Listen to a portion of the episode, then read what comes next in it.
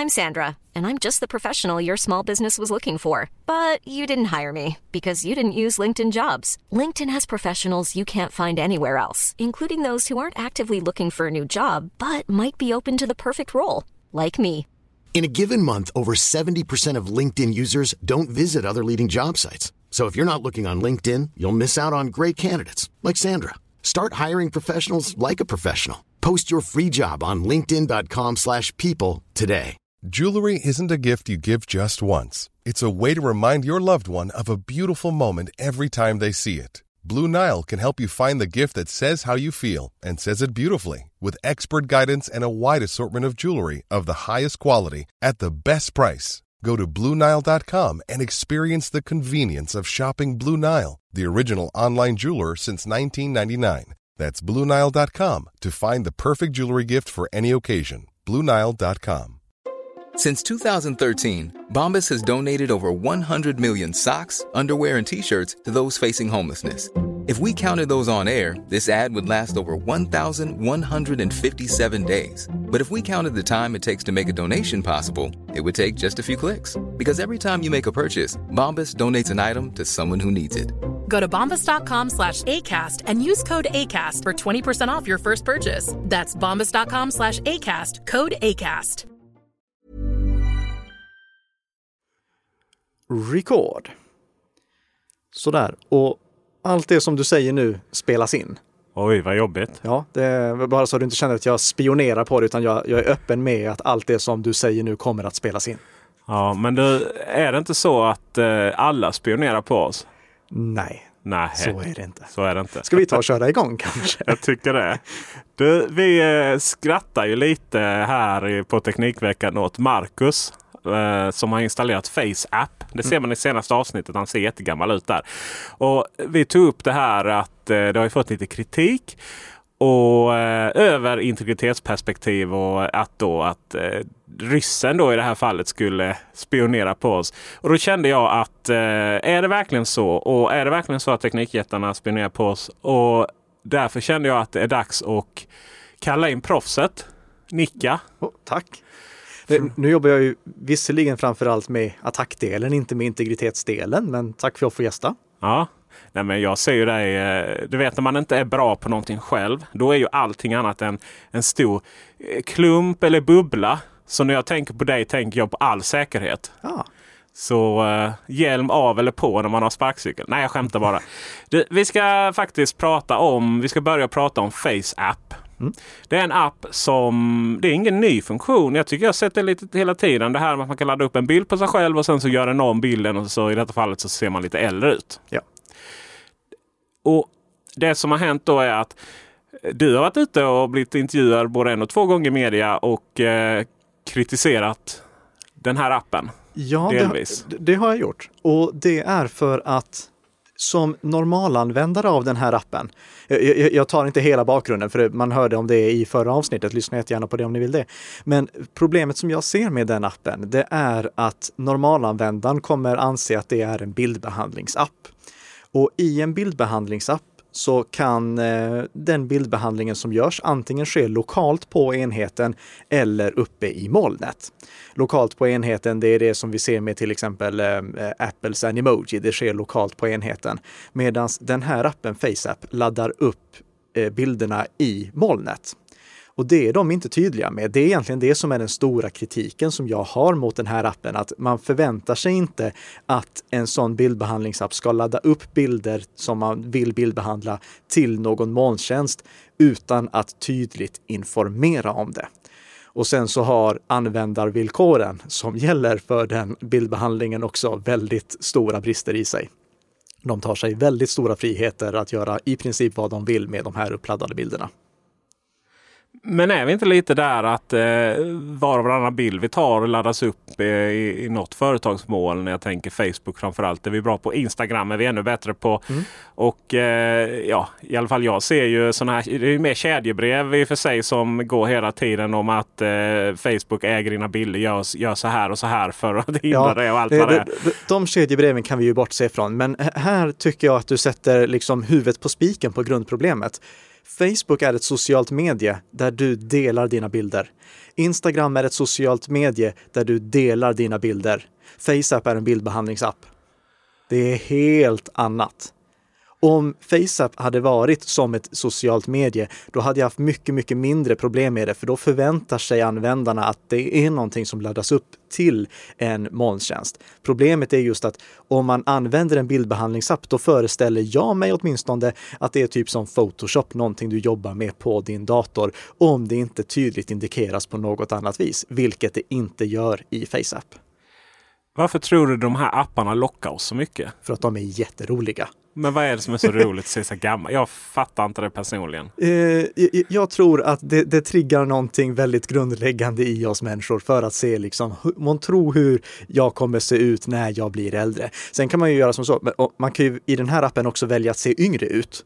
Och då ser man inte alls ut som man såg ut när man var yngre, så man kan ju lista ut att man inte heller kommer se ut så där när man är äldre.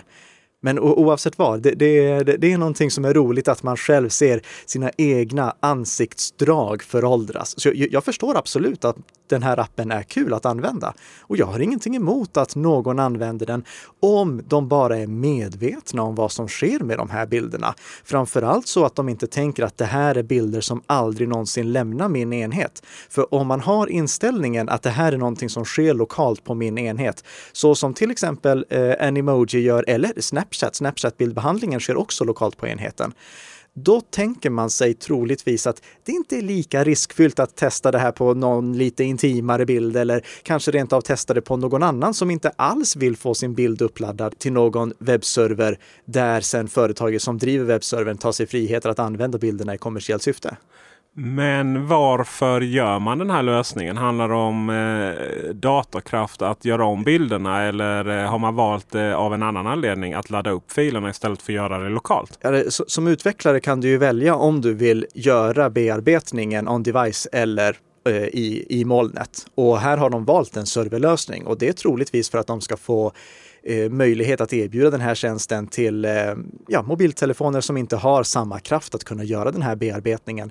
Eller att de inte ville göra anpassning av den här tekniken till flera olika mobiltelefoners förutsättningar, utan liksom bara kunna ha en enkel bilduppladdningsfunktion och sen göra all bildbearbetning på serversidan. Men vad är risken med att lämna över sitt bildbibliotek till de här då? Eh, det ska tilläggas, du lämnar inte över ditt bildbibliotek och, och, det var också ett rykte som florerade. Jag inspekterade trafiken från appen och kan konstatera att det laddas bara upp bilder som man väljer att ladda upp. Det gäller både iOS och Android-versionen. Eh, men eh, Problemet är dels att du av misstag kan ladda upp bilder som jag sa att du inte alls vill att ska finnas på servrar för att de är av intimslag eller för att eh, de föreställer någon som du inte har fått tillstånd att ladda upp bilden för. Eh, sen är problemet att de här tar sig för breda eh, rättigheter att göra vad de vill med de här apparna. Vilket är okej. Okay att de, eller det, det är inte okej okay, för de bryter mot GDPR med det användaravtalet som de har. Det kan till och med jag som lekman se. Men om de hade fixat till det där användaravtalet så det hade varit GDPR-kompatibelt och de hade informerat om vad de gör, då är det helt okej, okay, tycker jag. Så de kan absolut fixa till den här appen. Det är Men, ett ryskt bolag Ja. Gäller GDPR verkligen dem? Ja, GDPR gäller även ett ryskt bolag ifall de vänder sig mot europeiska konsumenter, vilket de gör i det här sammanhanget. Så eh, de hade kunnat lösa det här problemet genom att helt enkelt inte vara verksamma i Europa och inte tillhandahålla den här tjänsten i Europa.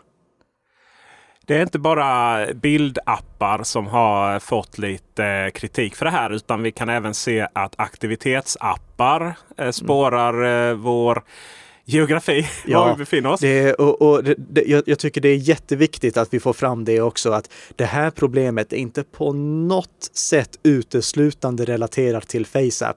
Vi har ett jätteproblem med att vi installerar massvis av dåliga och integritetskränkande appar på våra mobiltelefoner. Vi kommer ju senare i det här avsnittet prata om hur företag spionerar och inte spionerar på oss. Men när vi frivilligt ger ifrån oss data kors och tvärs hur som helst, då måste vi börja med att ta itu med de problemen först. Liksom.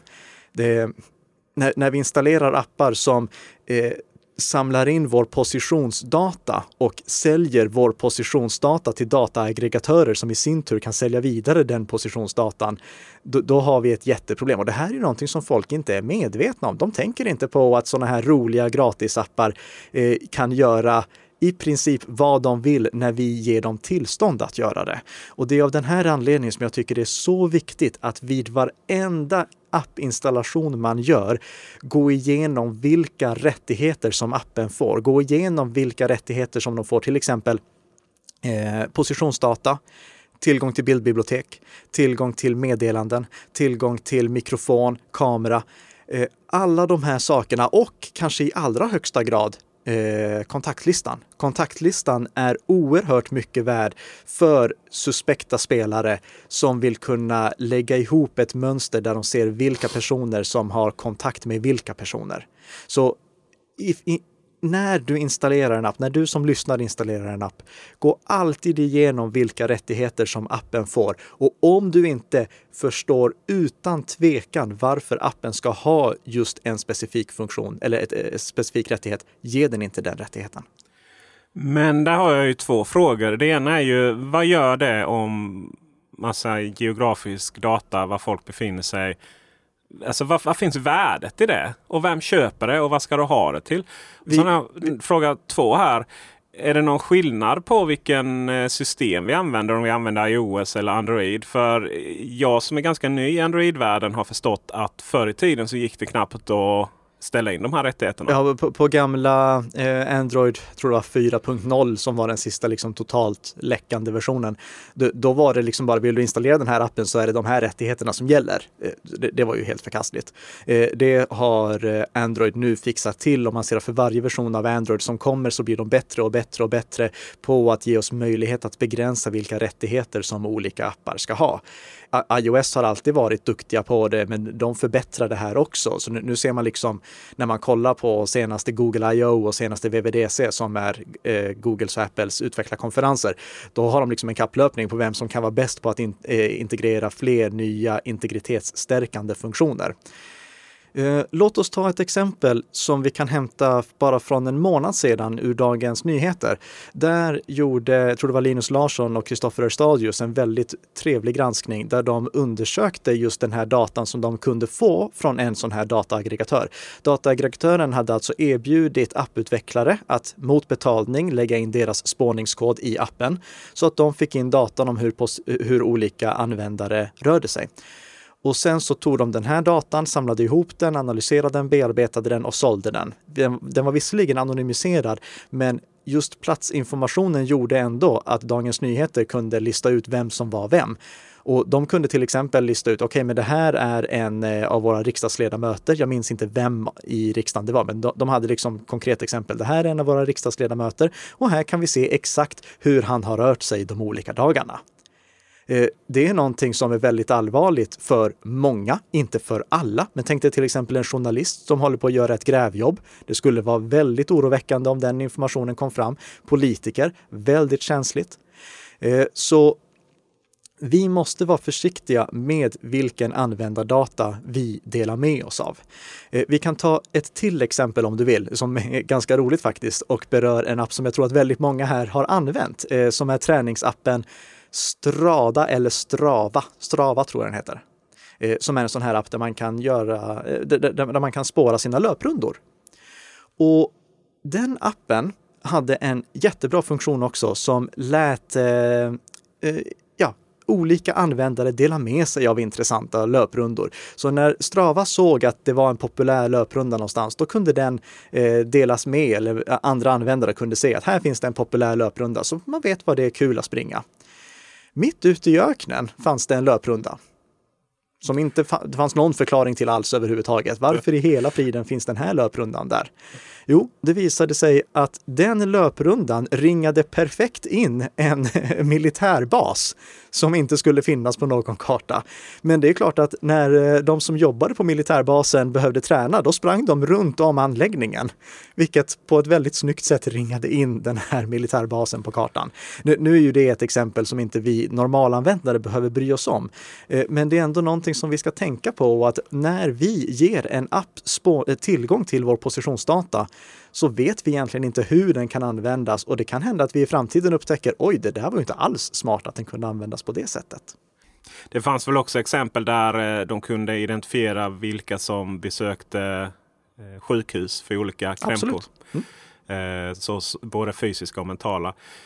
Det, var väl, det har väl varit i två omgångar. Dels var den här undersökningen och då var det inte bara aktivitetsappar. Alltså appar som liksom hade som, som huvudsaklig syfte att hålla koll på var vi är. Nej, det, det var alla möjliga appar som hade tillgång till spårningsdata och till positionsdata. Så, eh, eller positionsdata ska jag säga, spårningsdata heter det inte, positionsdata. Och det är ju ett praktexempel på varför vi måste gå igenom varenda liten eh, eh rättighet som vi ger olika appar. Och, och får man ge läxor i den här podden? Absolut. Ja, det, då, då får alla nu som lyssnar på den här podden en läxa där ni måste gå igenom vilka appar som har tillgång till olika rättigheter på er mobiltelefon. Det här går att göra lätt i både iPhone och Android. Så gå in och kolla i era integritetsinställningar vilka appar som har tillgång till er kamera, till er mikrofon, till er position, till er kontaktlista och liknande. Och om ni inte förstår varför appen ska ha det, då ska den inte ha det. Jag tänker det kan finnas andra scenarier som är mer, ännu mer eh, vardagsmässigt. Ta ta till exempel företag som är lite övernitiska och rädda att förlora sin personal. Det går ju att köpa data och se positionsdata eh, där man jobbar. Och så kan de hålla koll på konkurrenterna. och sen kan de se vilka av de här som eh, både har positionsdata på eh, där, där de jobbar hos konkurrenterna och sen vad man tillbringar sin tid på natten. Sen. Är det här alltså någonting som Marcus och Tor ska vara oroliga för? Eh, ja, delvis. Samtidigt är de ganska hög lönekostnad. Så att, Ja. ja. Mm. Men du Facebook. Facebook, Facebook, fake, Facebook. Alla, alla använder Facebook nästan. Och gör man inte det så använder man Messenger nästan. Och, en, och det känns som att det råder konsensus att, att Facebook, och nu använder ordet, spionera på oss. På alla sätt och vis.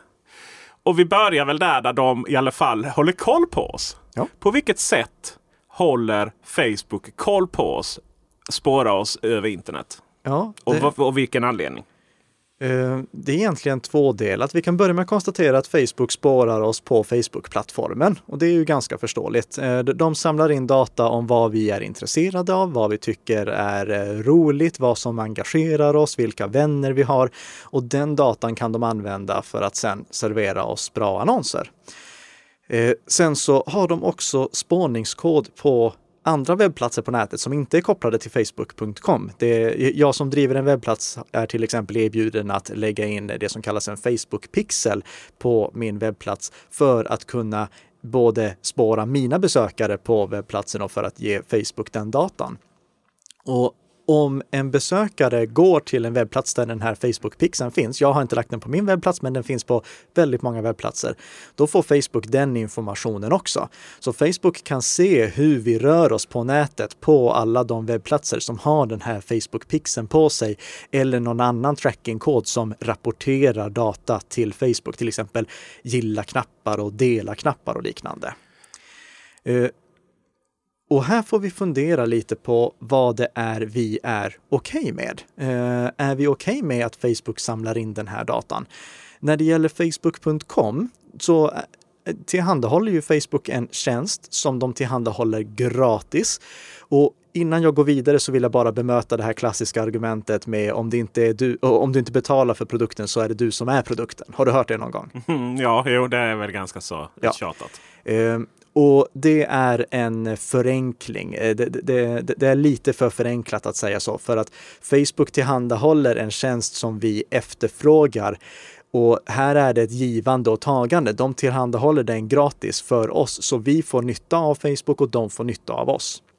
Så jag kan inte säga att det är så simpelt att eh, Facebook eh, anser att vi är deras produkt. Eh, vi är en väldigt viktig del i deras affärsmodell för att de ska kunna servera annonser, för att de i sin tur ska kunna, eh, för att de i sin tur ska eh, ja, kunna tjäna pengar. Men eh, när vi besöker Facebooks webbplats, om vi vill vara medlemmar där, då finns det några saker som vi måste acceptera. Och det ena är spårningen som sker på facebook.com. Och sen om vi inte väljer att eh, uttryckligen förhindra det, då blir vi också spårade när vi använder samma webbläsare för att surfa runt på nätet. Det är det här som gör att om jag till exempel skulle kolla på ett par riktigt schyssta ekoskor på någon webbplats. Som man ju gör. Som man gör, precis. Framförallt om man är som mig som har haft samma ekoskor i 15 år. Eh, alltså samma modell av ekoskor i 15 år. Eh, då, eh, då kommer jag sen troligtvis få eh, annonser om ekoskor eh, på Facebook. Nu är den här podden inte sponsrad av Echo, men det, det var ett exempel. Men lägga in lite eko ändå. Eh, det jag tycker det bästa exemplet eh, som jag upplever hela tiden det är eh, Tradera. Mm. kollat på annonser där. Och sen så dyker de upp framförallt på tidningssajter och sådär. DN och, och det gänget. Ja. Men vän av ordning undrar ju då. Okej, okay, men om jag är intresserad av den här på Tradera. Mm då eh, antingen så budar jag ju eller så eh, eh, lägger jag den i påminnelselistan. Och är jag inte intresserad av den, då vill jag inte se den igen. Mm. Det, det, det, här det, det, kallas retargeting och det är omdiskuterat hur pass effektivt det är. Eh, för eh, bevisligen så lägger eh, handlare stora pengar på att annonsera produkter som vi redan har köpt. För tre veckor sedan nu så köpte jag till exempel ett par Razer-högtalare. Nu får ni hålla i er ni som Åh, känner mig. Herregud. Ja, för jag Carl är... Lika, vad har du gjort? Mm, de, de, är snygga. Razer Noma Chrome de, de, de, det är inte heller sponsrat. Nej, det är inte heller sponsrat. De är jättesnygga eh, och de låter helt okej okay för att vara ett par tusen kronors högtalare. Eh, och de har RGB-lysdioder som man kan stänga av. Ja, då så. Det förklarar så mycket. Vilket var det viktiga för mig. Det, det är liksom, jag satt och kollade, okej, okay, går det att stänga av den här RGB-belysningen eller inte? Och ja, det går. Så de har jag hemma nu. Och de köpte jag. Och än idag så får jag reklam för om jag inte vill köpa ett par till. Och nej, jag vill inte köpa ett par till. Nej. Uh, nej, så är det ju. Mm. Och uh, det jag undrar är ju vi som är sajtägare mm. och inte har installerat Facebook Pixel. Men vi har installerat rätt mycket andra spårningskoder. Det ska ja. man veta om man går in på Teknikveckan.com så är vi en del av det här. Mm. Uh, kom, är det ihopkopplat i en tur i tredje part med Facebook Pixel? Eh, det finns ju många olika annonsnätverk. Facebook är bara ett av dem. Ni har troligtvis också Googles annonsnätverk. Absolut. Ja, eh, så det, det finns flera olika annonsnätverk som spårar oss på nätet eh, när vi rör oss utanför eh, google.com-domänen och utanför facebook.com. Och det här är någonting som eh, Alltså det, det, sker på i princip alla reklamfinansierade sajter. Eh, in, inte 100 procent, men nära på. Och om ni vill se vilka olika spårningskoder som läses in på olika sajter så kan ni använda Dataskydds webbtjänst som heter Webkoll. För där ser man vilka spårningskoder som finns på olika webbplatser. Om man vill göra samma sak i en Android-app så finns det en jättebra tjänst som heter Exodus som man kan använda för att se vilka spårningskoder som ligger i olika appar. Och det här är alltså eh, annonsnätverk som samlar in data om oss för att sedan kunna servera relevanta annonser.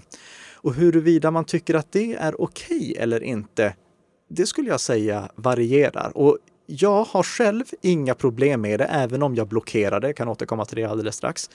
Eh, men det, det, som jag framförallt skulle önska är att det är tydligare, att fler vet om att det här sker.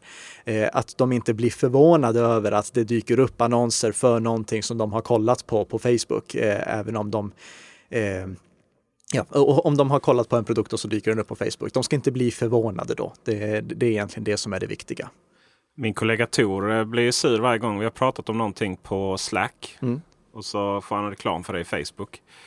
Men då är ju frågan om det är så att Slack är en del av det här. Det är vår, Slack är ju ett, eh, ett system för att eh, hantera internkommunikation och vi ska säga att vi använder gratisvarianten. Mm. Eller om det handlar om det här att eh, vi har pratat om en blå bil och så ser han blåa bilar över hela stan. Ja. Vi ska väl prata mer om det alldeles strax. Dock, för jag tänker så här. Vi har ju det här fenomenet att du pratar om huruvida det är bra eller dåligt att visa relevanta annonser. Mm. Och vi har ju annonser på Teknikveckan.com och det fungerar bra och det blir hyfsat relevant i de flesta webbläsare. Och sen kommer Safari på macken.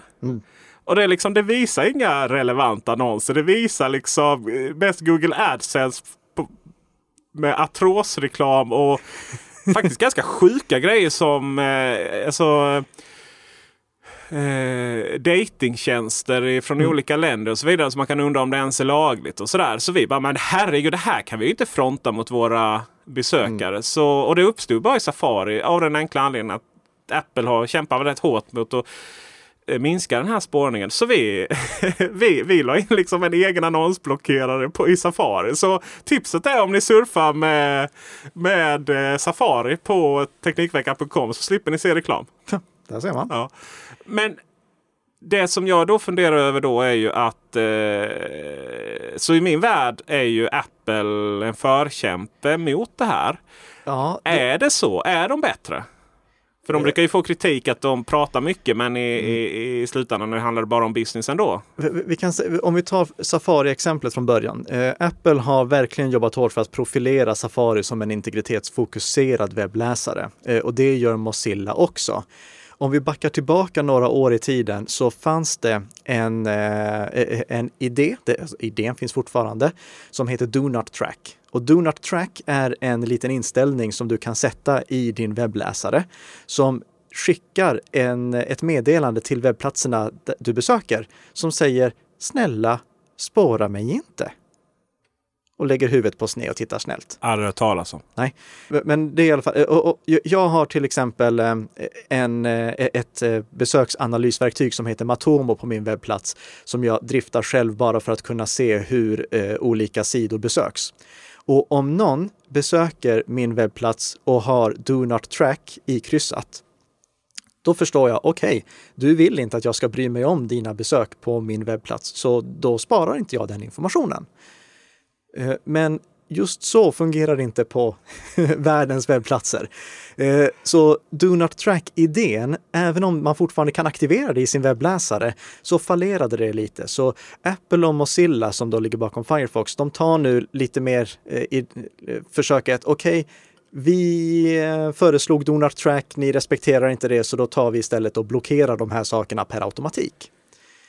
Och vad är det som blockeras? För jag tänker så här, alla, alla blockerar ju tredjepartsspårning via Kako nu för tiden. Det känns som att eh, man fattar inte hur saker och ting Det är inte alla som gör det. Det är inte Okej. alls alla som gör det. Eh, men eh, ehm, kakor eh, som är till spårningsannonsnätverk, de blockeras numera i Safari. Firefox håller på att arbeta mot det också. Och jag vet att Safari nu också försöker att förhindra så mycket browser fingerprinting som möjligt. Eh, Innan jag går in på det ska jag bara först förklara att kakor i sig är inte farliga. Det är en myt att kakor skulle vara farliga. Det stämmer inte. Kakor är textfiler. Kakor kan missbrukas. Det Text- säger du till mig som väger 150 kilo. Eh, Okej, eh, browser cookies eh, är inte farliga eh, på något sätt överhuvudtaget. Det är bara textfiler, men de kan missbrukas. Precis som om du går in på Ikea så kan du köpa knivar. Knivar är inte farliga, men de kan miss... Okej, knivar är lite farliga, men de kan missbrukas. Man kan använda dem för rätt saker och man kan använda dem för dåliga saker. Eh, jag använder cookies för att hålla mina användare inloggade på lärplattformen. Eh, cookies kan också användas för att spåra användare när de rör sig runt på nätet. Så det, liksom, det finns bra och dåliga saker med det. Men spårningscookies eh, är bara ett sätt som eh, ja, annonsnätverk försöker att hålla koll på oss på nätet. Och om vi kollar på lite mer eh, fula annonsnätverk så gör de också spårning via det som kallas eh, browser fingerprinting. För de har ju märkt att det är vanligt att folk blockerar kakor browser fingerprinting är mycket svårare att blockera. För att då tar de istället och analyserar webbläsaren som besökaren kommer från och lägger ihop saker om eh, webbläsarens egenskaper. Vilken version av webbläsaren det är, vilka typsnitt den har installerade, vilken upplösning den har inställt för tillfället. Sådana här saker som i sig inte är unika, men kombinationen av dem gör att det blir en unik sammanställning och på att de, eh, de på så sätt kan identifiera den enskilda webbläsaren. Och det här eh, försöker nu också eh, Safari att förhindra. Jag tror även att eh, Firefox kommer försöka förhindra det inom kort om de inte redan har börjat. Eh, så det, det görs mycket på Safari-sidan för att försöka blockera spårning och Apple jobbar mycket för att försöka framstå som det integritetsfokuserade alternativet. Och det är inte konstigt eftersom deras största konkurrent är ett företag som samlar in väldigt mycket data om sina användare. Så de måste göra det för att liksom ha någon motsättning, eh, för att det ska liksom vara sån här klassisk eh, David and Goliath-situation. Eh, jag tror också faktiskt, nu är det här bara spekulationer, jag poängterar det en gång till, det här är bara spekulationer. Men Microsofts nya webbläsare, Credge, som inte heter Credge, men de blir sura när man säger Credge, för det är Chromium-based Edge. Eh, en, ah. de, de, de, byter ut eh, Edge HTML som tidigare var den underliggande renderingsmotorn till eh, Chromium, som är samma som då Chrome bygger på. Och då får man liksom en lika säker, stabil och funktionell webbläsare som Chrome, men med Edge-varumärket ovanpå och med Googles delar bortstrippade. Så jag tror ju att Microsoft nu kommer framhäva deras kommande webbläsare som lär släppas någon gång nästa år till Windows och MacOS som en integritetsfokuserad version av Chrome. Och det kan ju vara bra med tanke på att det är väl ganska självklart att man eh, använder Safari på Macen och Chrome som någon form av andrahandsbrowser. Men Chrome är ju de facto standard på Windows numera. Ja, och, eh, frågan är om det inte är vanligare än Safari på Macen också. Vi kan kolla upp det. Eh, jag, jag, jag, klipper ju den här podden, eh, så jag kan eh, inför det här kolla upp om eh, eh, Chrome är större än Safari eller inte, så kan du lägga med det i show notesen. Det är klokt. Problemet med Chrome är ju framförallt att det ser ut som en påse skridskor. Jag tycker ju inte att Safari är jättevackert det heller. Nej, nej. Moving on, som mm. det så vackert heter här. Men folk är ju allt mer och mer övertygade om att Facebook spårar oss på ett annat sätt. Nämligen via rösten. Mm. Att Många uppmanar sina nära och kära att stänga av mikrofonen eller tillgänglighet för Facebook och Messenger på mikrofonen. Just för att de upplever att när de har pratat om någonting så, om vi tar de blåa bilarna igen. Ja. Då helt plötsligt så visas det massvis med blåa bilar på Facebook. Och mm. den logiska eh, slutsatsen av det är ju då att de lyssnar på oss. Och Vi pratade lite om det då i förra podden det som genererar det här avsnittet. Och, och, och, det jag kände var väl lite att men röstassistenterna är så fruktansvärt dåliga på att fatta svenska. Så hur skulle det där gå till? Ja, det, Facebook lyssnar inte på användare via mobiltelefonen. De har själva gått ut med den informationen och hör och häpna, jag litar på dem den här gången. Eh, och det gör jag inte för att jag på något sätt tror på allting som Facebook säger, utan det finns goda anledningar till att jag ser att de inte skulle göra det. Eh, först och främst eh, så vill jag bara poängtera att jag har hört det här argumentet väldigt många gånger också. Att ja, men jag, jag, jag såg jag, pratade med min vän om att vi ska åka till Lanzarote. Och vad händer? Jo, jag ser reklam för Lanzarote på Facebook. Eh, ja, det kan mycket väl hända. Men det beror troligtvis då på att du har letat efter en resa någon gång. Du, du har eh, kanske kollat vad eh, det är för valuta som används på Lanzarote. Du har kanske kollat eh, vilket väder det ska vara där. Besökt andra webbplatser som ligger utanför facebook.com och som jag sa, Facebook spårning, det fortsätter utanför Facebooks domän.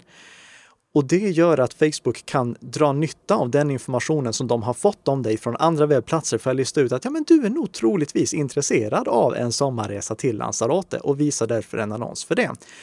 Eh, det kan kännas väldigt, väldigt creepy. Det är därför jag igen poängterar att jag skulle vilja att det här var tydligare för användarna.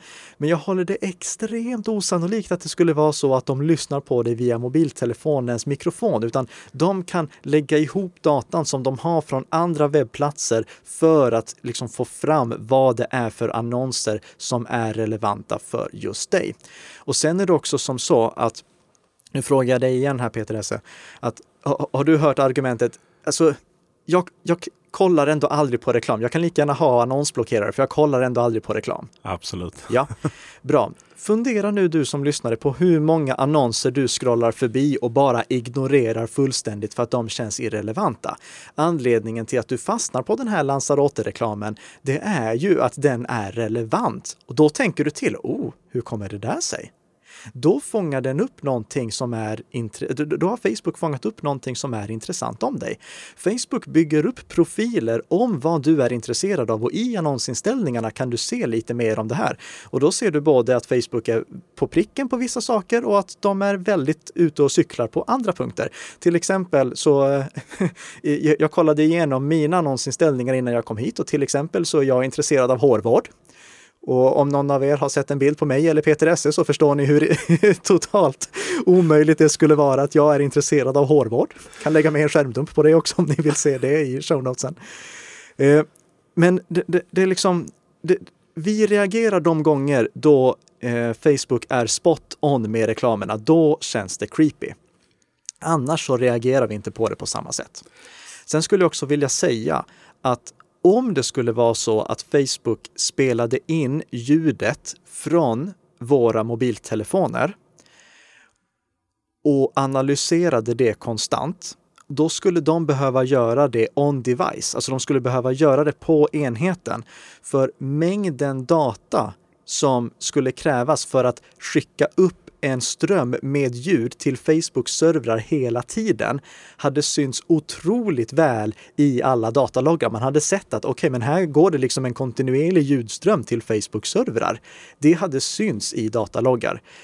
Sen kan jag väl säga att det finns företag som har försökt göra fula saker och gömma det i dataloggarna. Xiaomi till exempel, de gjorde så att eh, de skickade eh, sån här eh, diagnostikinformation troligtvis eh, från en av sina mobiltelefoner endast när telefonen var ansluten till eh, mobilnätet, inte när den var ansluten till wifi-nätet. För det är mycket svårare eh, som lekman att spåra trafiken som går över mobilnätet jämfört med över wifi-nätet. Eh, men eh, om det hade varit så att Facebook hade skickat den här datamängden över mobilnätet, då hade våra trafiksurfpaket förbrukats väldigt snabbt. Så de gör inte det. Om de hade, eh, om de överhuvudtaget skulle spela in någonting, då hade de varit tvungna att göra den här analysen på mobiltelefonen så att de bara hade kunnat skicka upp kodord till Facebook. Men Facebook säger själv att de inte gör det och jag tror på dem framför allt för att de har så mycket bättre data att gå på än vad vi sitter och tjafsar om framför frukostbordet. Så man kan säga att Facebook gör det som folk är rädda för fast det är det vi skriver. Ja. Inte det vi säger. Mm, precis. Och vi är också väldigt, väldigt bra att använda just Messenger när vi pratar med varandra via text. Vem orkar ringa nu för tiden? Ja. Och där vet jag att du eh, har försökt få med mig att eh, förändra mitt beteende. Så ja. ge ett litet tips där gärna. Jag, jag, jag, kan väl säga som så här, bara först och främst för att alla ska veta var jag står i de här frågorna. Jag använder Facebook. Jag använder Facebook. Facebook tillför glädje i mitt liv. Jag har nytta av Facebook. Jag driver en, eh, en säkerhetsbubbla, alltså en diskussionsgrupp på Facebook som jag får jättemycket nyttig information av. Jag får förstärkt självförtroende när folk gillar mina bilder på Facebook, så jag är en stolt Facebook-ägare. Eh, och Facebook-användare. Facebook-ägare är jag inte. Jag äger inga eh, Facebook-aktier. Väldigt... det hade varit olämpligt att säga fel där. Jag är en stolt Facebook-användare. Ehm, jag använder inte Facebook Messenger om jag inte måste göra det. Och det är för att på Facebook publicerar jag uteslutande saker som jag vill att ska finnas på sociala medier som ska kunna vara publikt tillgängliga. Och det är här som jag gör stor skillnad mellan ett socialt medie och en konversationsapp. Jag vill inte använda Facebooks konversationsapp för att i mina konversationer så skriver jag saker som jag inte har tänkt att ska vara publika. Och därför använder jag i mångt och mycket i största möjliga utsträckning Signal för att kommunicera med vänner och bekanta. Nu har ju inte alla gått över till Signal än, men alltså, ni, ni, som lyssnar på den här podden, ni har säkert alla gått över till Signal, men, eh, Signal redan, för att alla som är inne använder ju Signal. Men det kan hända att några av era vänner inte finns där än. Så det kommer ta lite tid innan vi, är, innan vi har fått över alla till att använda Signal istället. Men där gör jag den stora skillnaden mellan ett socialt medie och en chattapp. Precis som jag gjorde skillnad tidigare i podden mellan ett socialt medie och en bildbehandlingsapp. Och sen kan jag också säga att som Facebook-användare så tycker jag det är helt okej okay att Facebook spårar mig på Facebooks plattform. Jag har inga problem alls med det. Jag uppskattar det tvärtom så att jag får se relevanta annonser, för jag vill hellre se annonser för ekoskor än för Lanzarote-resor. För jag kan inte åka till någonstans där det är sol, för då får min halvisländska hy en ful färg eh, på två sekunder.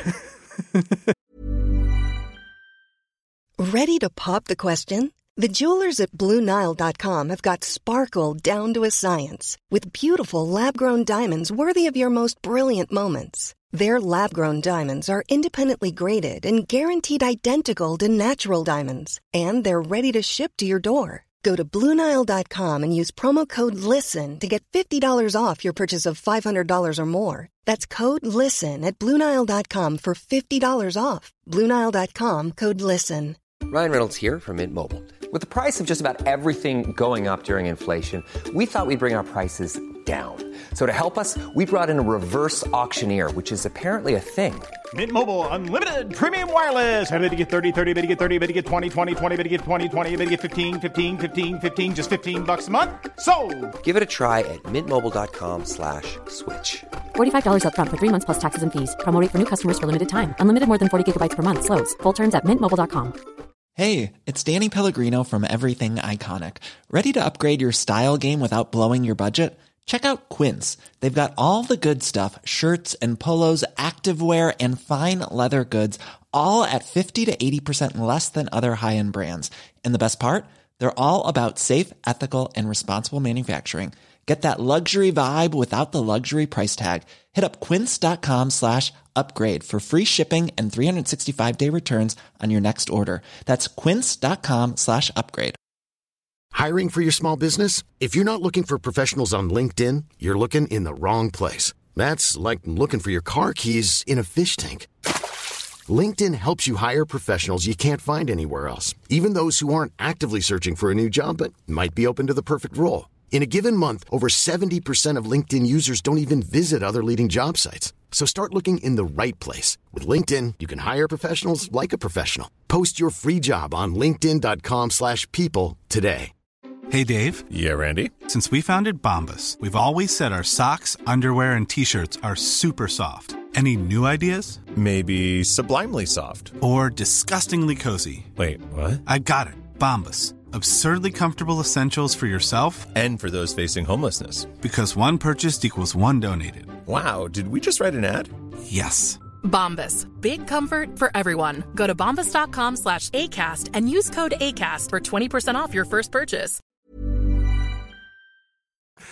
Så när Tor och vi sitter och pratar om någonting Ja. och, han, eh, och han får upp det sen på Facebook. Då är det kanske för att han snabbgooglar eh, det vi pratar om för att, för att liksom Precis. kunna vara med i diskussionen. Ja. Eh, Men eller så är det så att Slack har som affärsidé att sälja den datan vidare. Men det antar jag att man kan läsa så fall i användarvillkoren. Det kommer i så fall framgå tydligt av användarvillkoren. Eh, jag har inte använt gratisversionen av Slack, eh, så jag, kan inte kommentera det. Det är inte någonting som jag heller har hunnit förbereda för den här podden. Så det, det, det får ni i så Sen- fall kolla i, i Slacks användarvillkor. Men Ja, om- Sen är det, handlar det ju lite om eh, logik och så.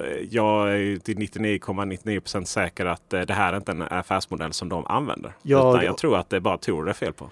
Jag håller det väldigt osannolikt, nu är inte Tor här, men jag håller det väldigt osannolikt att Slack skulle göra det. Eh, Men det är bara utifrån den bilden jag har av Slack och hur Slack vill framställa sig som ett alternativ för företag. Men eh, ta inte någonting av det som jag säger om Slack som fakta, utan kolla istället vad som står i användarvillkoren. Och det är poängen. Lite eget ansvar tycker jag i allt vi har pratat om. Ja, det, det, det är mycket eget ansvar och det är tyvärr för mycket eget ansvar. Jag sa ju, jag är helt på det gröna med att Facebook spårar mig på domänen facebook.com. Jag vill att Facebook ska ge blanka FN i att spåra mig utanför deras domän. Det tycker jag inte de har någonting med att göra. Lägg märke till att det här är min åsikt, inte någonting annat. Det här är min åsikt, inte fakta eller någonting och det är helt okej okay att tycka annorlunda. Men jag blockerar därför spårningskoden från Facebook när jag är utanför facebook.com. Där vill jag inte att de ska spåra mig. Så i min webbläsare så har jag uBlock Origin som jag använder för att blockera spårningskod. Många känner säkert igen uBlock Origin för att eh, det kan användas för att blockera annonser. Men håll i er nu, jag blockerar inga annonser. Jag blockerar inte annonser. Jag älskar annonser och tycker det är fantastiskt bra att vi har så många eh, olika nischade sidor som kan överleva och skapa bra content tack vare annonser. Så jag blockerar inte annonser. Jag blockerar bara spårningskoden. För det finns massvis av olika sätt som annonser kan visas utan att behöva använda spårningskod. Och jag tycker att det, hade, det bästa hade varit om det var tydligt för alla användare vilken spårning det var som skedde på olika ställen så att de kunde göra ett, eh, ett insiktsfullt övervägande kring huruvida de vill tillåta den här spårningen eller inte. När allt kommer till kritan, då hade jag troligtvis accepterat spårning från vissa annonsnätverk, men inte från alla. Men bilder då? Där pratas det väldigt mycket om att Facebook eh, implementerar både den ena och andra informationen. Särskilt nu senast här när det, de hade en liten eh, problem med just foton och eh, då kunde vi se liksom vad de har taggat dessa foton med. Och sen ryktades det om att de injicerade kod i bilderna för att spåra oss över nätet. Ja, nej, nej, inte riktigt. Inte riktigt. Ryktena var så. Då, vi kan lägga med en länk till det här också i show notesen. Nu pushar jag på med massa saker i show notes som du får lägga in. Men Eh, det, det, det, som var incidenten nu här om veckan, det var inte att Facebook spårar oss med Facebook-pixeln som jag pratade om tidigare. Det är en helt annan sak, utan det var att Facebook spårade bilder. Eh, om man laddar upp en bild till Facebook, då läggs det kod i bilden eh, eller information i bilden eh, som gör att Facebook kan se om den här bilden florerar på andra webbsidor sen, om någon skulle ladda ner den och publicera den någon annanstans. Eh, det är alltså inte någonting som spårar oss användare. Och det här är ni vana vid också. Det, det, tänk till exempel när ni laddar upp en bild på ett forum och det kommer en vattenstämpel på bilden. Gör det det när man är, om man laddar upp en bild i Bubblans eh, forum? Det tror jag inte. Nej, men i, i, många, i, i många forum så kommer en sån här vattenstämpel där det står vilken sida den här bilden är uppladdad till. Och det är ju ett synligt sätt för eh, Eh, Eh, de här webbplatserna att eh, lägga in varifrån bilden kommer. Sen går det att göra på fler sätt också och det som jag tror att många blev upprörda över, det var faktumet att det gjordes på ett ganska dolt sätt, men inte ett helt dolt sätt. Man kan säga eh, om en webbplats vill på något sätt märka bilder med varifrån de kommer, då kan de göra det på fy, fyra olika sätt kan de göra det på. Eh, de kan göra det genom en vattenstämpel. Då syns det jättetydligt. De kan göra det genom metainformation. Du vet det här man kan lägga in copyright, eh, copyright information och vem det är som har fotat bilden och liknande. Eh, som, att det finns som metataggar i bilden. Eh, det vill inte sociala medier göra för att den metainformationen den strippas bort från bilden när bilden publiceras på något annat socialt medie. Och det är av rena integritetsskäl, för en av de sakerna som ofta lagras i metataggarna, det är GPS-positionen till var bilden är tagen. Och om, här, och om den här metainformationen inte hade strippats bort, då hade angripare och eh, spioner kunna kolla på bilder från var vi bor och se exakt positionsdata var vi befinner oss. Så den informationen strippas medvetet bort. Sen finns det det sättet som Facebook gjorde där de lagrade inuti bilden på ett sätt som inte vi normalanvändare ser men som går att se ifall man verkligen granskar bilddatan. Eh, och jag kan se att det finns poäng med det, för de vill kanske se hur bilden sprids. Eh, och de vill kanske också kunna dra nytta av eh, komprimering. Låt oss säga att eh, tio personer laddar upp samma bild. Om de ser att det är samma bild på den här koden, då slipper de eh, spara tio versioner av den. Då räcker det med att de sparar en version. Så det kan finnas sådana fördelar också. Och sen kan de, eh, det fjärde sättet då, om de vill, lagra informationen med stegonografi som gör att du gömmer den här informationen i bilddatan så att vi användare varken kan se att det har lagrats någon extra information om eh, bilden i bilden eller eh, vilken information det är som har lagrats där i. Som Facebook hade velat, då hade de kunnat lagra den här informationen helt dolt utan någon som helst möjlighet till att bli avslöjade och, och, med det sagt så kan det hända att de gör det också. det, det, vet vi inte. Eh, eller att andra sociala medier gör det. Men det, det, just att, att bilder spåras och att man vill ha koll på varifrån bilderna kommer, det ser inte jag som ett problem. Men det är alltså ett ärende som är helt, eller eh, ett problem eller eh, en, vad ska man säga, ett, en situation som är helt särskild från Facebook-pixeln. Nog om Facebook tycker jag. Vi går över till nästa jätte som vi har berört lite. Men det här med eh, Google Assistant och eh, Google Home-högtalarna. Mm. Där eh, är ju lite speciellt. Det var det Amazon som började med att sätta ut högtalare som lyssnade på oss i ja. hemmen. Och eh, det ger ju också upphov till lite rykten och, och, myter om hur det där fungerar. Vad lyssnar de på? Var kommer informationen? Är det liksom någon perverterad anställd där på Google som sitter och har skoj åt våra konversationer? Mm. Och framförallt Många i Sverige upplever att de står och småpratar själva de här högtalarna och drar igång lite, lite hela tiden. Ja. Uh, Vad händer i, i det segmentet? Vi kan ju säga som så här. Nu, nu får ni hålla i er allihop som lyssnar på det här. Men om jag har en Google Home-högtalare i mitt hem, då spelar den in vad jag säger när jag säger kommandorö eh, kommandorörelsen. det blev 1177 läckar. Eh, kommandot. Jag, jag, skulle försöka låta bli att säga hej, du vet. Eh, eh, när jag säger kommandot som får den till att börja lyssna, då spelar den in vad jag säger. Det är Just det som är poängen med den. Och vet du vad som är ett annat kommando för eh, att sätta igång den här? Det är, så skruva ner nu, men vi har märkt att den exakta frasen Hej och hjärtligt välkomna till Teknikveckan dra igång högtalarna. Varje gång! Och, och det är jättekonstigt. Ja. Så, så när, vi, när eh, vi då, när jag spelar in video med eh, om Google Assistant och Google Home-högtalarna. Och sen så ber jag spela upp en Youtube-film som vi själva spelat in. då kan de börja prata nej. med varandra. Ja, nej men äh, skämt åsido. Det, och om man har en sån här högtalare i sitt hem, då spelar den in vad det är du säger. Och du kan faktiskt som användare, om du har en Google Home-högtalare, då kan du gå till dina sekretessinställningar eller dina, dina händelseinställningar tror jag det är, eh, på google.com. Och där kan du lyssna på alla inspelningar som din Google Home-högtalare har gjort, eller din eh, Google Assistant för den delen också. Du kan också se transkriberingen, och du kan se, eller transkriptionen heter det, och du kan se eh, vilken, vilket datum det var som det här gjordes. Så all den informationen finns lagrad där så att du kan lyssna på den och du kan radera den och du kan ställa in automatisk radering också. Eh, anledningen till att jag är så här lite fult raljerande, det är att många inte tänker på att den här informationen spelas in. Men eh, det är klart att den, den ska spelas in. Det är det som är poängen med den. Den måste spelas in för att eh, Google ska kunna behandla den. Sen hade vi ju däremot en incident med, det var Google och deras belgiska, jag tror det var deras belgiska användare, där en av eh, Googles underleverantörer läckte information och läckte inspelningar. För som ni alla har märkt så är de här assistenterna inte så där jätteduktiga alltid. Det händer ofta att det blir fel.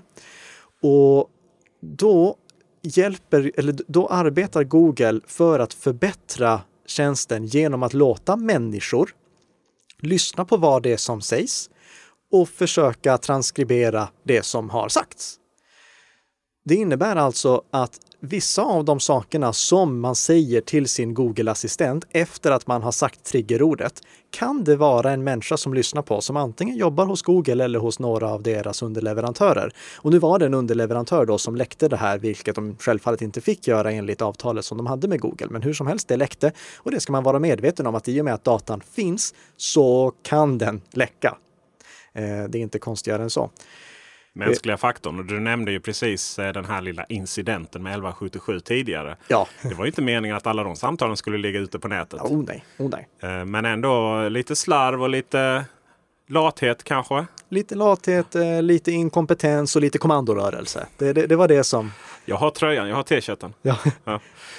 Men hur som helst, om det är så att du känner dig obekväm med att ha en sån högtalare som potentiellt skulle kunna spela in någonting du inte vill ha sagt. För precis som Peter sa här precis tidigare så händer det att en eh, smart högtalare triggas och börjar spela in utan att man säger det rätta kommandoordet. Jag är ju övertygad om att de smarta assistenterna kommer att bli bättre och bättre och bättre på att identifiera det här kommandoordet. För det är inte förrän eh, man har sagt det här kommandoordet som själva Eh, inspelningen används till någonting. Det är först då som den börjar analyseras för att eh, sen kunna berätta vad vädret är eller ringa en vän eller vad det nu än är som man vill göra. Men det händer att den triggas felaktigt och det kan självfallet vara pinsamt. Jag skulle absolut inte ha en eh, sån här smart högtalare i företagssammanhang, eh, för där skulle det kunna snappas upp känslig information.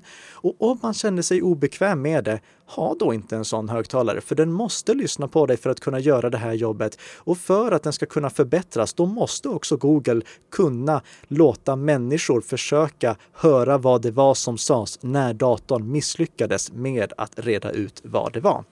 Och nu kommer ju följdfrågan som vi ständigt ställer. Är Apple bättre? Apple är lite bättre i det här fallet eh, för att eh, de sparar inte informationen kopplat till ditt Apple-ID, utan de sparar informationen kopplat till ett tillfälligt Siri-ID eh, som är särskilt från ditt Apple-ID. Och du kan välja att återställa ditt Siri-ID genom att slå på och av Siri och då får du ett nytt sådant.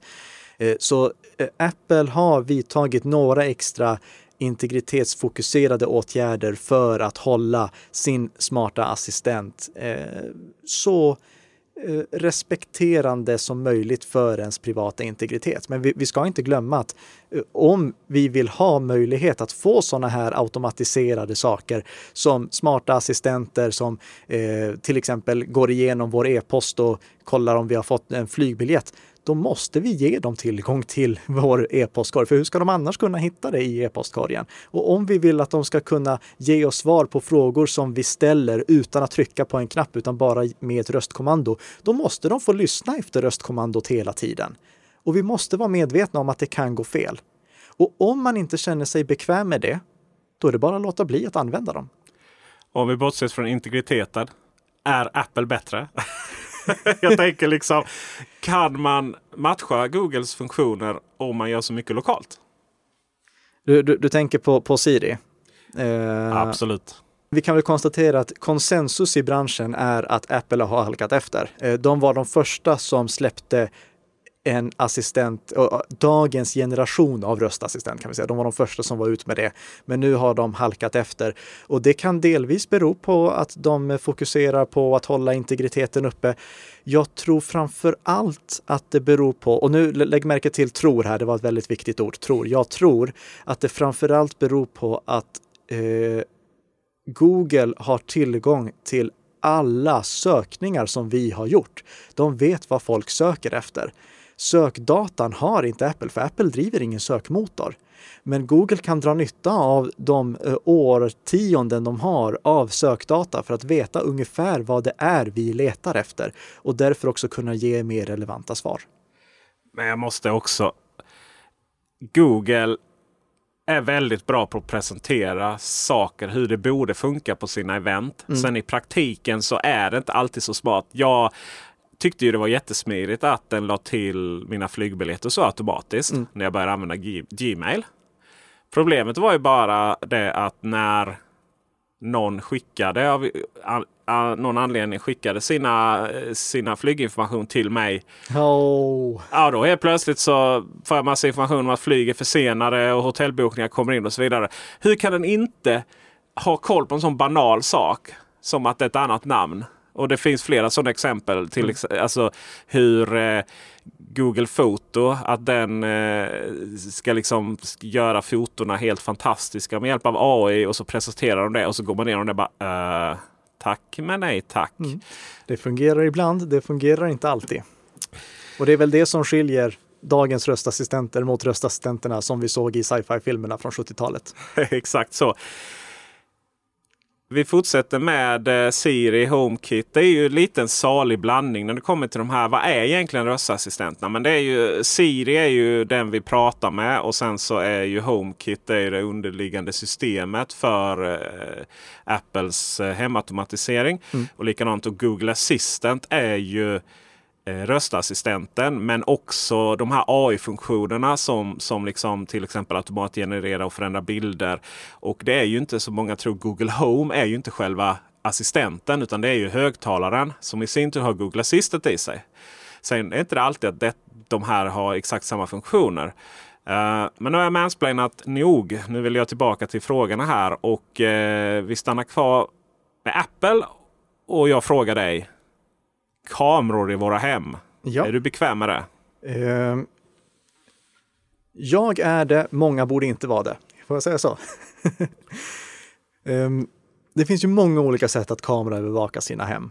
Och vissa använder molntjänster, till exempel Arlo.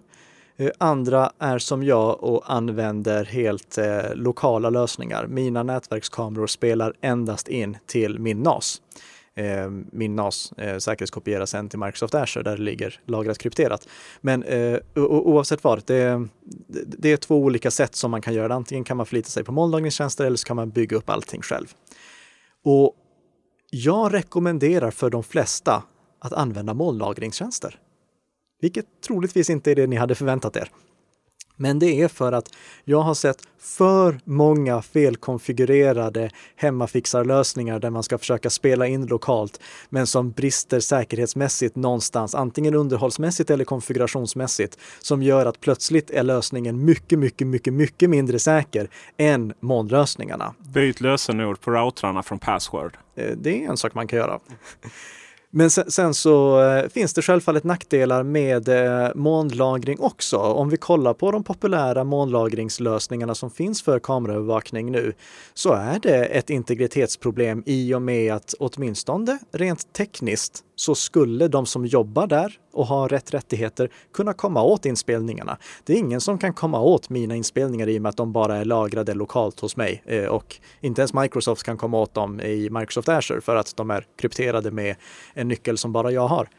Eh, så eh, det kan kännas jobbigt att ett bolag som driver en sån här kameraövervakningstjänst kan potentiellt komma åt ens filmstream men jag skulle säga för de flesta, så länge som man vänder sig till ett trovärdigt företag, är det bättre än att eh, misslyckas med konfigurationen och låta hela världen potentiellt kunna komma åt ens inspelningar.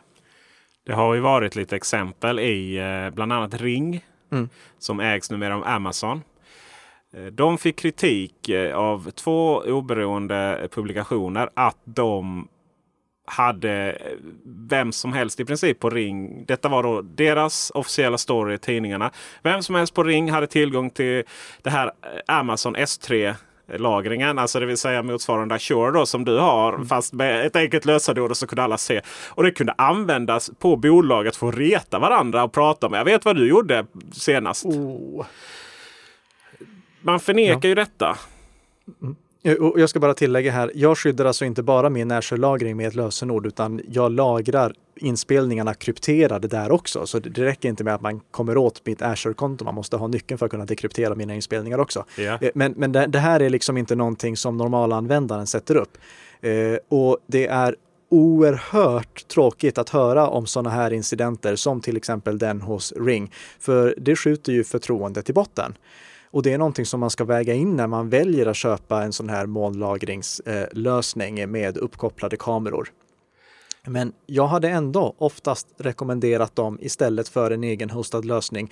Om man nu inte vill sätta sig in i hur man gör en egen hostad lösning på riktigt. Och det får ni jättegärna göra. Det, alltså, det är ju självfallet det bästa. Men då ska ni minsann ta er tiden också att både konfigurera allting by the book och att sen underhålla det på månadsbasis så att det fortfarande är säkert. Och vill man inte göra det, då är riskerna med en egen hostad lösning oftast högre än Eh, eller de är högre än riskerna med att lagra det hos en eh, molntjänstleverantör. Men det är klart att integritetsaspekten, den måste vägas in där också. Vi måste ju också lämna Rings officiella svar här, för annars så kan det ju bli lite dålig stämning. De jobbade rätt hårt, nämligen PR-maskineriet där och, och svara på detta.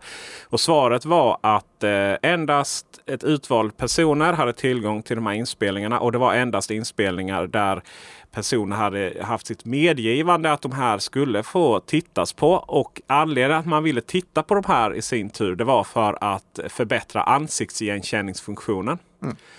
Det, och det sanningen kanske ligger någonstans mitt emellan. Att det, det var lite 1177-varning på det hela. Ja. Det vill säga att man hade en, en policy men som inte följdes. Och sen så eh, kanske det var så att folk klickade i lite eh, öppenhjärtligt eh, den Precis. här möjligheten.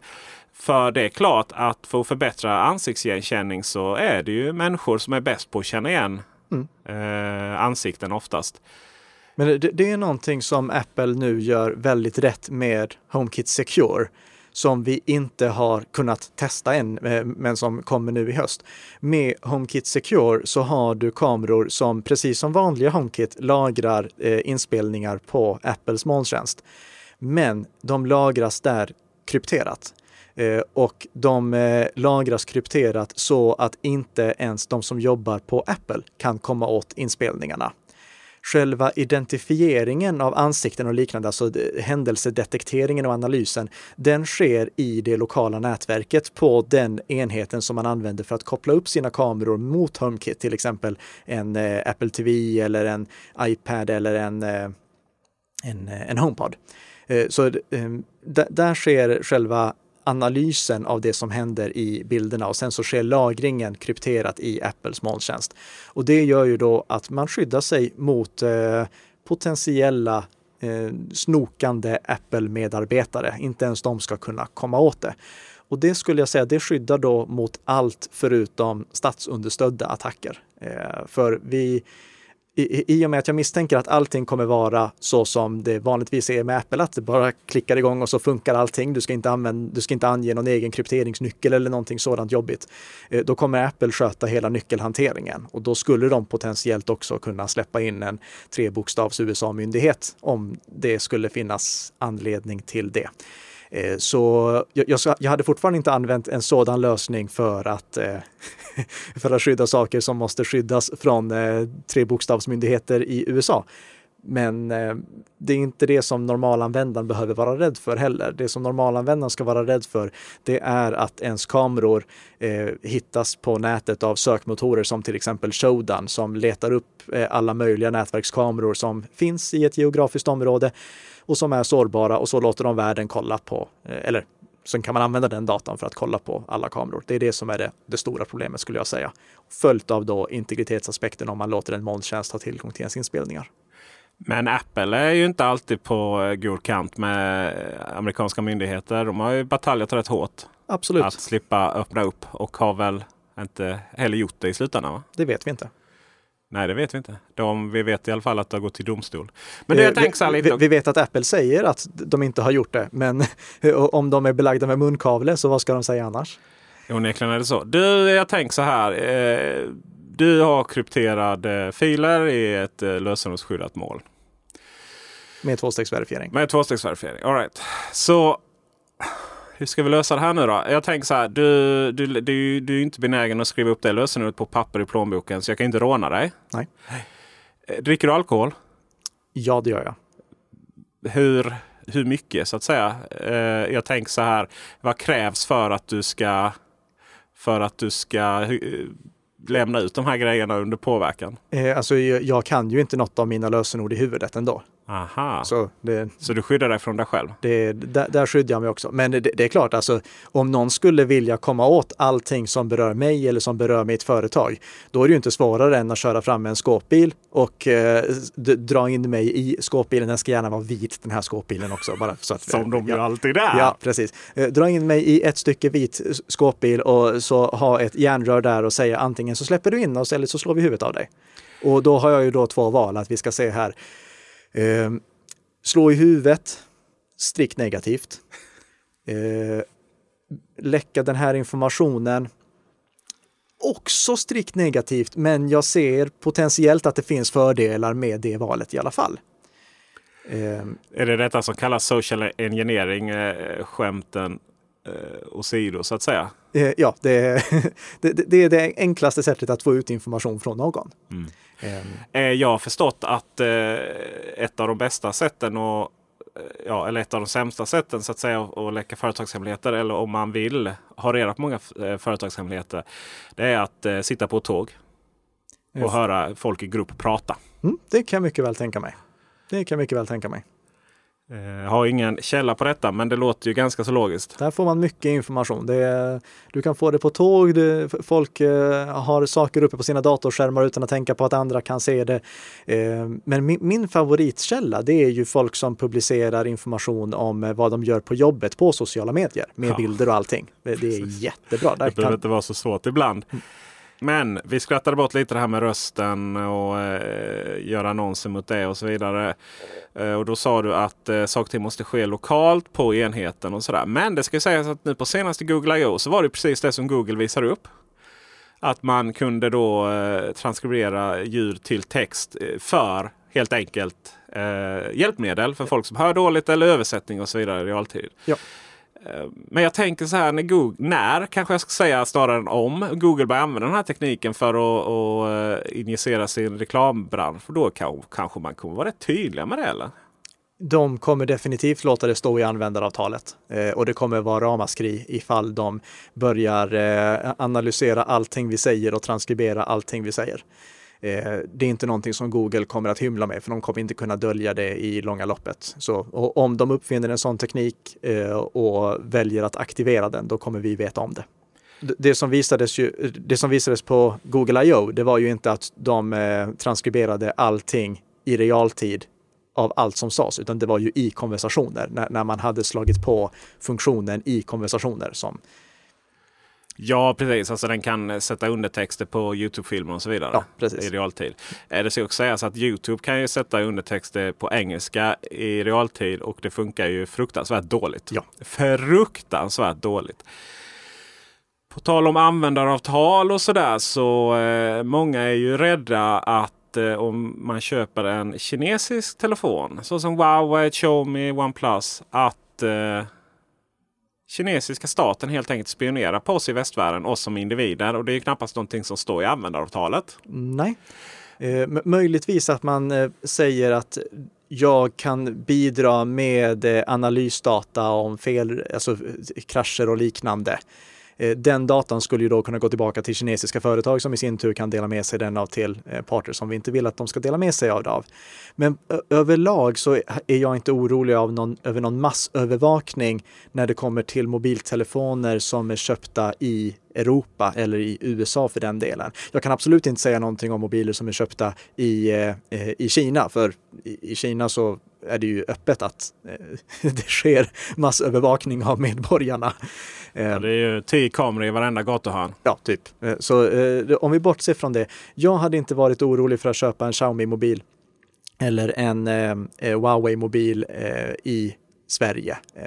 Det, jag hade inte trott, eller jag tror inte att det finns någon sådan jättestor övervakning av oss i västvärlden därigenom om det skulle ske det och de laddar upp datan via eh, wifi-nätet, då syns det i trafikloggar. Så de är i så fall tvungna att göra så som jag var inne på tidigare, att skicka allting via mobilnätet.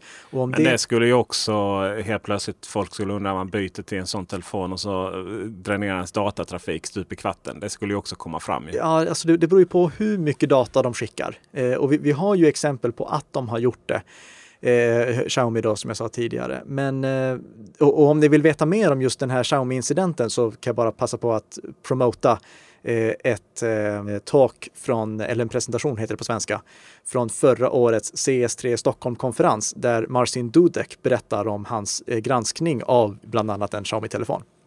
Kan vi lägga med en länk till den i show notesen också? Ja, det kan vi göra. Det var ju också en annat fall där eh, bolaget bakom Nokia-brända telefoner, eh, HMD Global, ja. eh, fick väldigt mycket kritik att man skickade, skickade till Kina. Man menade på att detta var ett misstag. Ja. Vad jag tycker är roligt i sammanhanget är ju att du var väldigt stolt över att rekommendera Nokia-telefoner. Oh, du tar upp det igen! Japp, japp, japp, japp.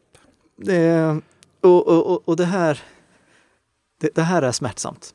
Det här är smärtsamt ska du veta. Men om det bara var ett misstag från Nokia, varför är det smärtsamt? Jag har ju varit väldigt restriktiv med vilka mobiltelefoner jag har rekommenderat genom åren. Väldigt restriktiv. Ehm, och om vi bortser från då eh, iPhones och Pixelmobiler och Nexus-mobiler så har jag också rekommenderat en Nokia-mobil. Och det gjorde jag för att Nokia såg ut att göra allting rätt. De, de, liksom, de hade åtagit sig att släppa säkerhetsuppdateringar. De körde med vanliga eh, Googles Android-version utan att hålla på och fixa med det. Men så inträffar en sådan här incident som inte jag hade kunnat förutspå, som inte någon annan hade kunnat förutspå heller. Eh, där eh, då eh, HMD Global råkade ha en mjukvara i en av sina Nokia-mobiler som skickade telemetridata, alltså analysdata, till en kinesisk server. Och jag kan säga att det stora problemet med det här, det var hur de hanterade incidenten. Att de först förnekade det och sen så kom det flera anklagelser och det bemötte de inte. Det, jag, jag tappade lite förtroendet för dem. Och numera så kan jag därför tyvärr inte rekommendera Nokia-telefoner. Men det, det, är bara för liksom den här incidenten. Inte att jag avråder från dem, men jag kan inte heller rekommendera dem längre eh, på grund av det här. Så nu är det tillbaka till iPhone Pixel och förhoppningsvis Google. Bring back Nexus please. Ja, eller bara släpp mobiler i Sverige. Eh, eh släpp Pixel-mobiler i Sverige hade varit ett bra första steg eh, så att man slipper köpa dem ur eh, ja, men vi rekommenderar ju telefoner på lite olika sätt. Det roliga är ju att alla de här, det är väl de, det är väl de här tre varumärkena som du precis nämnde då. Eller vi nämnde. Huawei, Xiaomi, OnePlus. Det är de mobilerna vi rekommenderar att folk köper vid oss från Teknikveckan på grund av att de är prisvärda. De mm. har teknik i sig som är billig men kraftfull och de har kameror i sig som piskar mattan med det mesta annat. Ja. De europeiska mobiltillverkarna ju, lever ju i en röra och det är väl nästan Sony kvar. Uh, och anledningen till att vi kallar dem europeiska är ju för att stor del av utvecklingen har skett i Lund. Ja. Uh, Nej, det, det, det ja. um, det finns många bra kinesiska mobiltelefoner, det råder det inga tvivel om. Eh, det, Huawei har också fram till eh, nu när, eh, inte Google, vad heter de, USA bandlyste dem, Eh, haft eh, ganska goda åtaganden på eh, Android Enterprise Recommended-listan. Android Enterprise Recommended-listan är den listan som jag förutsätter att alla undersöker innan de köper en Android-baserad mobiltelefon eftersom mobiler som är med där har eh, tillverkaren åtagit sig att underhålla med säkerhetsuppdateringar och med funktionsuppdateringar. Så kolla så att mobilen finns med på den listan innan ni köper en Android-mobil. Eh, nu blev ju då Huawei bortplockade från den listan på grund av den här konflikten. Men jag tror att de kommer tillbaka nu när den här lilla, det här lilla förbudet upphävs. Eh, som användare skulle jag dock i största utsträckning vara orolig för kinesiska appar. Eh, appar som man installerar som innehåller spårningskod. Eh, och det, det, gäller inte bara kinesiska appar, det här gäller appar överallt ifrån, men eh, just kinesiska appar, till exempel TikTok. TikTok är ju en otroligt populär app. Jag misstänker att du är stor användare av TikTok, Peter. Har faktiskt inte. Jag har förstått att eh, några kompisar unga gör det, men inte mm. ens min egen barn använder det. Nej, eh, och just att eh, ladda upp all den här informationen till dem eh, och dessutom ladda upp information om barn som är under 13 år. Eh, det är någonting som vi ska ha i åtanke och vi ska ha i åtanke vad det är vi ger dem tillgång till. Och som jag sa, det gäller inte bara kinesiska appar, det gäller alla appar. Men egentligen så fort företaget som ligger bakom appen ligger i ett land som har ett väldigt avvikande statsskick och ett avvikande juridiskt system så bör vi fundera över vad det är för information vi ger ut. Å andra sidan kan ju de köpa den informationen från vilken databroker som helst baserat på de andra apparna. I stor utsträckning ja. Vad jag har hört här idag är ju egentligen att vi springer runt och är oroliga över massa saker vi hittar på. Saker vi inte kan ta på. Saker mm. som är löst. Samtidigt som vi inte är särskilt rädda att ge upp all den informationen vi är rädda att bli spionerade på frivilligt. Mm. Till eh, de stora jättarna och även om de är väldigt tydliga med vad de gör med den informationen. Och sen så via mindre appar som vi installerar så vi inte riktigt vet vad man gör med dem. Ja. Eh, Det andra jag har hört idag är att det är dags att installera Signal. Och jag kan också känna att eh, Apple borde ta sitt eh, förnuft till fånga och lansera fler av sina tjänster till Android. Eh, Ja, det hade jag det. tyckt var trevligt. Eh, Jag eh, kanske någon gång får komma tillbaka till podden och gästa med en utläggning om varför Apple aldrig kommer släppa iMessage till Android. Ja, för det är ju det jag har saknat. Men Mm. nu kan jag ju sakna eh, lite andra saker också. Eh, och en Mm. annan sak jag funderar över. Jag måste, jag, det blir nog ett litet reportage om detta. Men eh, vi har ju larm hemma. Ja. Som har kamera i sig. Mm. Och då vän av ordning undrar ju om någon som sitter där och har tråkigt på nätterna kan komma åt den kameran hur som helst. Eller om den är liksom är hårdvarustyrd till att bara fungera när larmet går. Det är en bra fråga. Det är en väldigt bra fråga. Det kommer svar på det i eh, kommande artiklar eller podd. Om man vill ha mer av eh, din eh, numera väldigt värdefulla kunskap. Säkerhet känns som att det blir allt mer och mer aktuellt. Var når man dig? Vilka plattformar verkar du på? Då finns jag på i princip alla sociala medier. Jag är nog mest aktiv på Twitter, eh, Nicka. Eh, Och sen så finns jag ju också i säkerhetsbubblan eh, som eh, mitt företag driver tillsammans med kryptera.se som samlar 5000 personer som är intresserade av IT-säkerhet i Sverige. Där får man jättegärna gå med. Det är en bubbla som inte, som inte ni ligger bakom. Som inte vi ligger bakom. Vi får diskutera eh, verkshöjden på det ordet och Ja. vi kan, om vi kan ha ett licensavtal på det. Du har skrivit en bok. Eh, Ja, det har jag också. Bli säker-boken finns i eh, handeln nu. Den handlar inte om integritet, men den handlar om hur man skyddar sig på nätet i den uppkopplade världen, både som privatperson och medarbetare på företag. Och den kan man dessutom köpa lite billigare med hela 25 rabatt. Eh, genom att använda den magiska koden. Teknikveckan. Där, på tal om hög verkshöjd. Jag har också en personlig favorit när jag sitter och tittar på dig på sena kvällar. Nämligen din Youtube-kanal.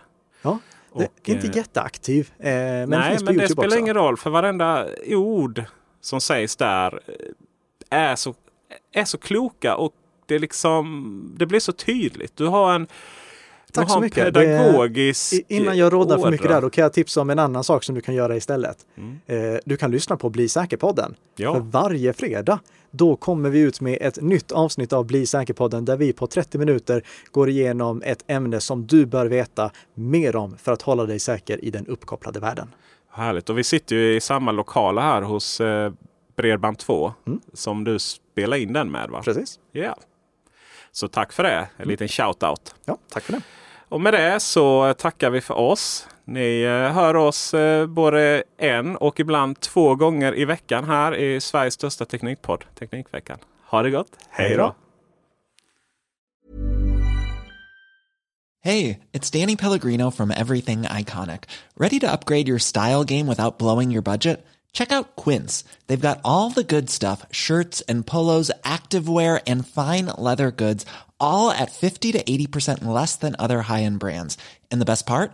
They're all about safe, ethical, and responsible manufacturing. Get that luxury vibe without the luxury price tag. Hit up quince.com slash upgrade for free shipping and 365 day returns on your next order. That's quince.com slash upgrade. Hi, I'm Daniel, founder of Pretty Litter. Did you know cats tend to hide symptoms of sickness and pain? I learned this the hard way after losing my cat, Gingy. So I created Pretty Litter, a health monitoring litter that helps detect early signs of illness by changing colors, saving you money and potentially your cat's life. Pretty Litter is veterinarian developed, and it's the easiest way to keep tabs on your fur baby's health right at home. Go to prettylitter.com and use code ACAST for 20% off your first order and a free cat toy. Terms and conditions apply. See site for details.